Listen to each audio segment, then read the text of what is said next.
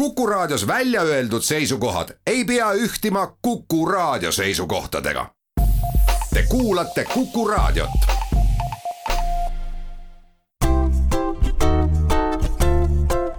patsiendiminutid, Patsiendiminutid toob teieni Eesti Patsientide Liit. tere, head Kuku kuulajad mina olen Kadri Tammepuu ja täna me räägime suurimast veresoonest, mis inimeses on, aordist, ja mis saab, kui aordi ütleme, väljanägemine, kuigi me aorti ei näe, kui see muutub ja miks see ohtlik on. ja et koroonaviirus meie saate kaudu levima ei pääseks, siis asub ka tänane saatekülaline meil teisel pool kõnetraati. tervitused siitpoolt Põhja-Eesti Regionaalhaigla veresoonte kirurg doktor Eva-Liisa Rätsep tere, suur rõõm on sellest huvitavast teemast teile täna rääkida. tuletame siis äh, kõigepealt võib-olla kuulajale meelde, kus aort asub, kus see veresoon siis algab ja, ja kus ta lõpeb? et aort on inimese kõige suurem veresoon, mis kannab endas arteriaalset ehk hapnikuga rikastatud verd ja see saab alguse südamest, aordiklapist ja liigub allapoole, siis tulevad soolestikuarterid, tulevad neeruarterid ja aort jaguneb siis nimelülidest, noh, ütleme neljanda nimelüli juures jaotub kaheks, mõlemale poole lähevad niudearterid. alates aordiklapist kuni jagunemiseni niudearteriteks nimetataksegi aordiks. kui pikk see aort on? see meie jaoks tähtsust ei oma, ütleme niimoodi, aga kõhuaordi segment, et see iseenesest on circa kolmteist sentimeetrit see algab siis kusagil siit vahelihase juurest ilmselt? jah, kõhuort algab jah, allpoolt diafragmatilt klassikaliselt ta siis allpool neeruarterid on ta selline, et kus me siis räägime enam aneurüsmidest, aga jah, et diafragmast allpool on kõhuort no räägime siis natuke sellest pisikesest ja paksust veresoonest, et mm, ma saan aru, et aeg-ajalt äh, võib juhtuda, et äh, ta muudab oma kuju ja et äh, arstid kutsuvad seda aneurüsmiks. kas see aneurüsm tekib ainult kõhuaordis? iseenesest aneurüsme võib ka mujal esineda ja hästi huvitav fakt ongi see, et kui inimesel üks aneurüsm, üks veresoone laiend on leitud, näiteks siis kõhuordis on tal circa kahekümneprotsendiline tõenäosus võib-olla, et neid aneurüsme on ka mujal, isegi suurem, et sõltuvalt, sõltuvalt inimesest, nii see on. et aneurüsm ei pruugi olla üks, ei pruugi olla ühes kohas ainult. no kui veel natuke laiemale minna korraks, kas äh, veenide laienemised on ka kuidagi aneurüsmiga sagedasemas suhtes? seda nüüd nii üks-ühele ei saa öelda, et, et mis on mõlemal ühist, on see, et sidekoe mürkust nii-öelda, aga, aga sellist kindlat seost, et kellel on veenilaiendid, on tõenäoliselt kanerüsm, et sellist, sellist seost küll ei ole. pigem veenilaiendid on igasuguses eas, aga kanerüsmid vähemalt kõhuordi osas on pigem vanemaealiste inimeste probleem noh, järelikult ilmselt midagi kuskil kulub, aga miks see aneurüsm ehk see laienemine, soone laienemine siis tekib? siin ongi väga mitu faktorit, aga peamine on see, et veresoones on kolm kihti ja tekib nende kihtide mürgenemine, muutused nendes kihtides ja sellist asja kutsub esile enamasti suitsetamine, kõrge vererõhk, kõrge kolesterool ja kindlasti ka teatud geneetilised tegurid, ehk siis pärilikkusel on selles ka oma oluline roll. No kui sage see suhe on, et no näiteks emal või isal oli aneurüsm ja nüüd lapsel on ka? uuringud ütlevad, see on väga individuaalne, aga kuni kakskümmend protsenti võib, võib jällegi seda, seda olla, et, et oli isal, on ka pojal millal arstid ütlevad, et äh, vot nüüd ongi see hetk, et äh, aort on liiga laiaks läinud ja paneme välja diagnoosi, et on aneurüsmiga tegemist? aneurüsmi diagnoosiks on vaja, et kõhuort oleks siis tunduvalt suurem kui normis, ehk siis kui norm on kaks sentimeetrit, siis peab olema poolteist korda üle normi ehk alates kolmest sentimeetrist. kui on lihtsalt tavaline inimesel kaks sentimeetrit, kui on lihtsalt juhuslikult kaks koma kaks sentimeetrit, see ei ole veel aneurüsm, et aneurüsmiks ongi vaja, et oleks kolm sentimeetrit või enam. ja miks see aneurüsm siis ohtlik on, et no natukene veresoon laieneb, mis siis sellest? jah, et tegelikult ongi nii, et kui ta on natukene laienenud, ei, ei ole ta ohtlik, kui ta on kolm koma kaks, kolm koma viis sentimeetrit, tegelikult kliiniliselt ütleme arsti jaoks see ei ole väga-väga oluline veel, oluline on siis, kui see aneurüsm, see moodustis, ta on teatud piirini jõudnud. kui ta jõuab viie poole sentimeetrini meestel, viie koma kahe sentimeetrini naistel, et siis see oht, et see moodustis lõhki läheb, on juba piisavalt suur, et me peaksime seda arvesse võtma ja juba mõtlema, kuidas seda lõhki minemist ära hoida. aga kuidas arstid tavaliselt avastavad, kõhu sisse ju kohe ei näe, et nüüd on just nimelt seal kõhuaordis on teatud laienemised tekkinud? täpselt, et sellega ongi nii, et väga paljud aneurüsmid avastatakse juhuleiuna, ehk siis inimesel on, ütleme ka siis neerukivid, mingisugune muu probleem, tehakse kas ultraheli uuring või kompuuteriuuring ja siis juhuslikult radioloogi, siis nii-öelda röntgeniarst, kes uuringuid kirjeldab, on pannud siis kirja oma kirjeldused, kõhuordi diameeter ehk läbimõõt on neli sentimeetrit ja siis me jõuame alles selle nii-öelda diagnoosini samas noh, kui näiteks inimesel on neerukivid, siis ju tegeleb temaga nefroloog, et kuidas mm -hmm. nüüd siis arstid märkavad, et, et see kõhuaordi probleem on ka tõsine? sellega ongi niimoodi, et kui on, keegi on tellinud ultraheli, kes iganes selle ultraheli tellis, on ka vastutav selle eest, et sa pead selle vastuse üle lugema. ehk et kui siis perearst tellis ultraheli, siis on perearsti kohustus see ultraheli uuring vastus läbi lugeda ja teha enda jaoks sealt järeldused, kui ta näeb, et on tegemist aneurüsmiga, neli sentimeetrit, mis siis võiks teha, patsiendiga rääkida sellest ja siis suunata veresoonte kirurgi juurde juba, kes räägib täpsemalt, miks see asi halb on, mida teha, mille peale mõelda. kui tihti seda praktikas juhtub, et äh, aort lõhkeb ja ilmselt äh, me saame aru, et kui mingi väga suur veresoon katki läheb, siis elu satub ohtu. jah, täpselt nii see on, et statistika ütleb meile, et sellist asja, lõhki minemist juhtub viis kuni kümme juhtumit siis saja tuhande inimese kohta aastas. ehk kui väga lihtsustatult tahame öelda, siis kui meil on miljon inimest, siis umbes viiekümnel kuni sajal aastast võiks aort lõhkeda. kuulge, aga seda on ju päris palju. jah, nii et viiskümmend inimest, ütleme aastas, et see on päris suur number ja statistika meile ütleb ka seda, et näiteks, ma toon siin näite, et USA-s surmapõhjuste tabelis teatud hetkel see aneurüsmi lõhkemine oligi surmapõhjus number kolmteist ja hinnanguliselt üks kuni kaks protsenti üle kuuekümne viie aastastest meestest surevad just selle kõhuordi analüüsmi lõhki minemise tõttu. miks rohkem mehed, miks mitte naised, kas naistel on veresooned tugevamad? Tegelikult, eh, mis siin üks põhjus on, ongi see, et meeste seas on läbi aegade olnud populaarsem suitsetamine ja teine asi on see, et neil hormonaalne taust on pisut teine ja seetõttu ongi see pigem meeste haigus, statistika ütleb meile, et meessugu tõstab riski viis korda, et tekib aneurüsm ning suitsetamine tõstab riski neli korda. Läheme siit korraks väikesele pausile ja mõne minuti pärast juba jätkame.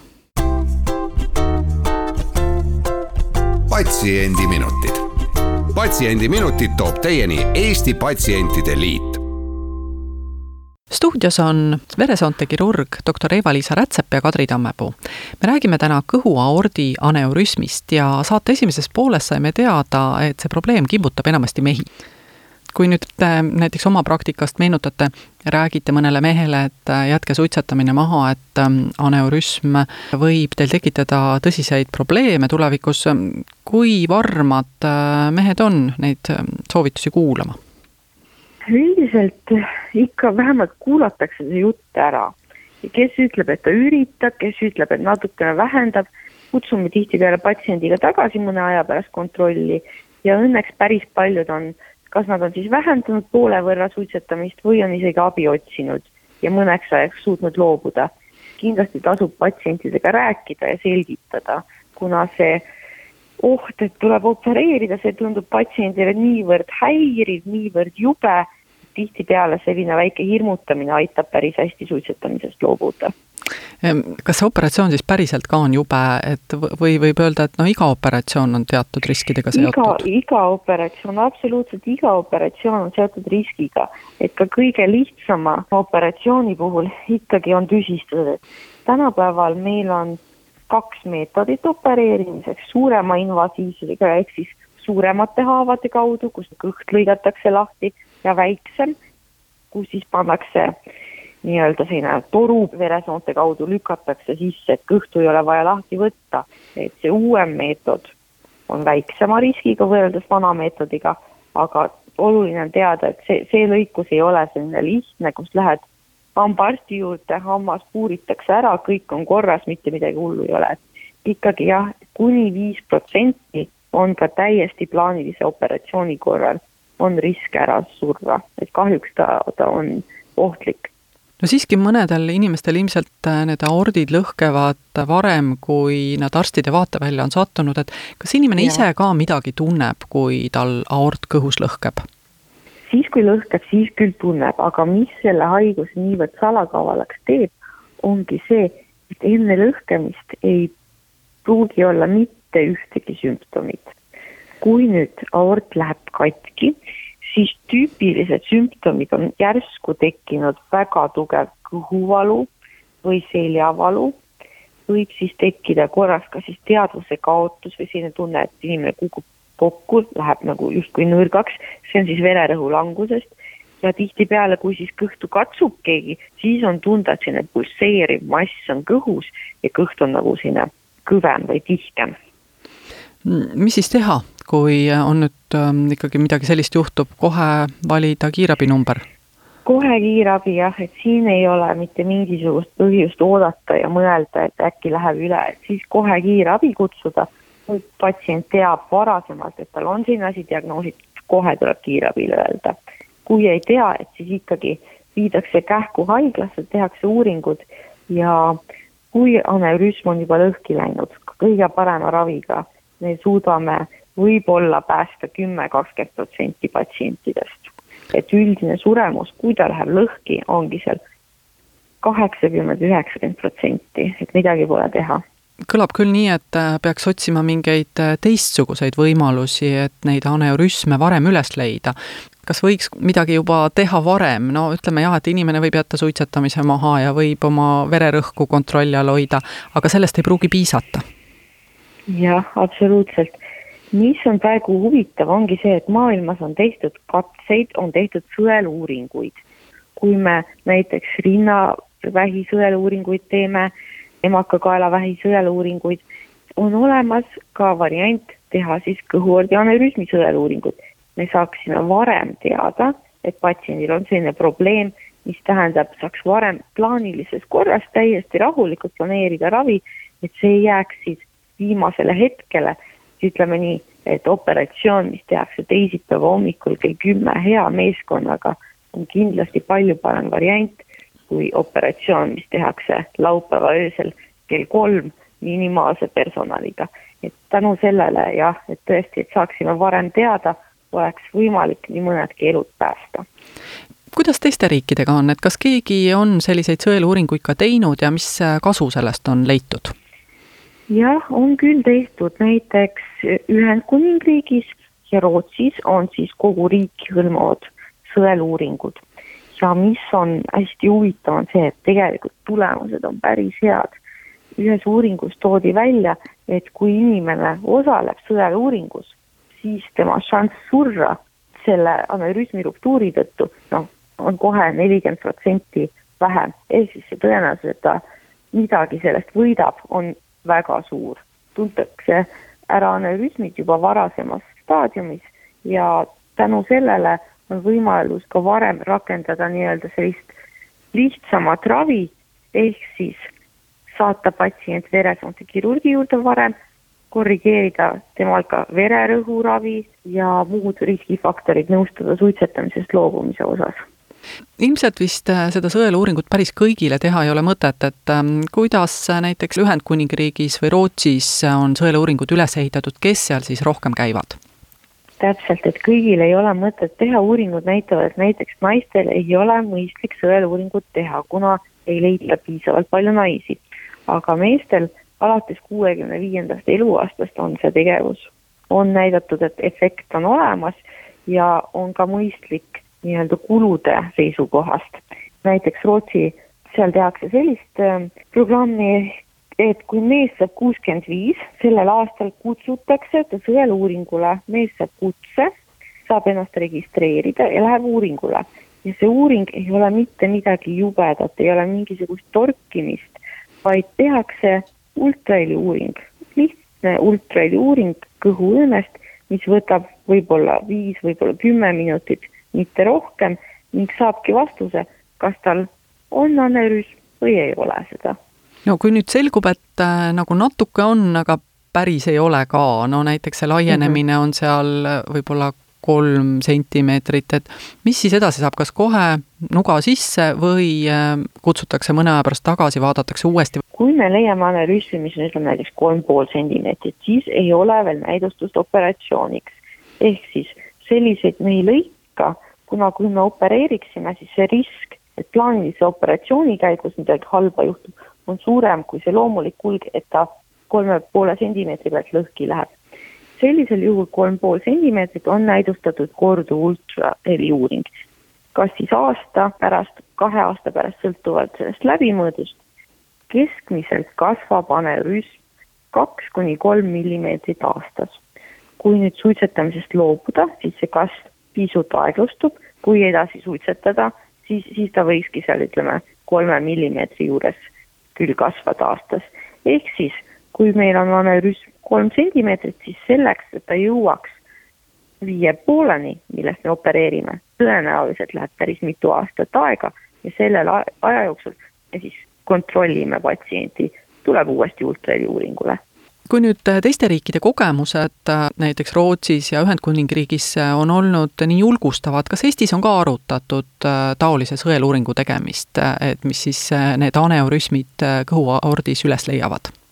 et õnneks küll, et meie veresoonte endovaskulaarkirurgia selts on teinud ettepaneku mõelda sellise tegevuse peale ja läbirääkimised on toimunud juba paar aastat. lootust on, kindlaid kokkuleppeid veel ei ole, aga Eesti on väga hea riik, kus seda sõeluuringut ellu saaks viia. meie inimeste hulk on piisavalt väike, inimesed elavad üsnagi vaikselt teatud suuremates piirkondades et oleks päris hästi see sõeluuring teostatav ja see oleks ilmselt ka üks võimalus, kuidas meeste suremust vähendada varases eas või liiga vara. Jah, täpselt, sest Eesti probleemiks ongi see, et mehed surevad liiga noorena. selge ja suur aitäh, Põhja-Eesti Regionaalhaigla veresoonte kirurg, doktor Eva-Liisa Rätsep täna meile kõhuaordi aneurüsmist rääkimast ja loodame, et mehed saavad endale sellesama sõeluuringu. ja täname ka kõiki kuulajaid, stuudios olid Kadri Tammepuu ja doktor Eva-Liisa Rätsep, kuulmiseni taas järgmisel nädalal ja seniks olgem terved! Patsiendiminutid Patsiendiminutid toob teieni Eesti Patsientide Liit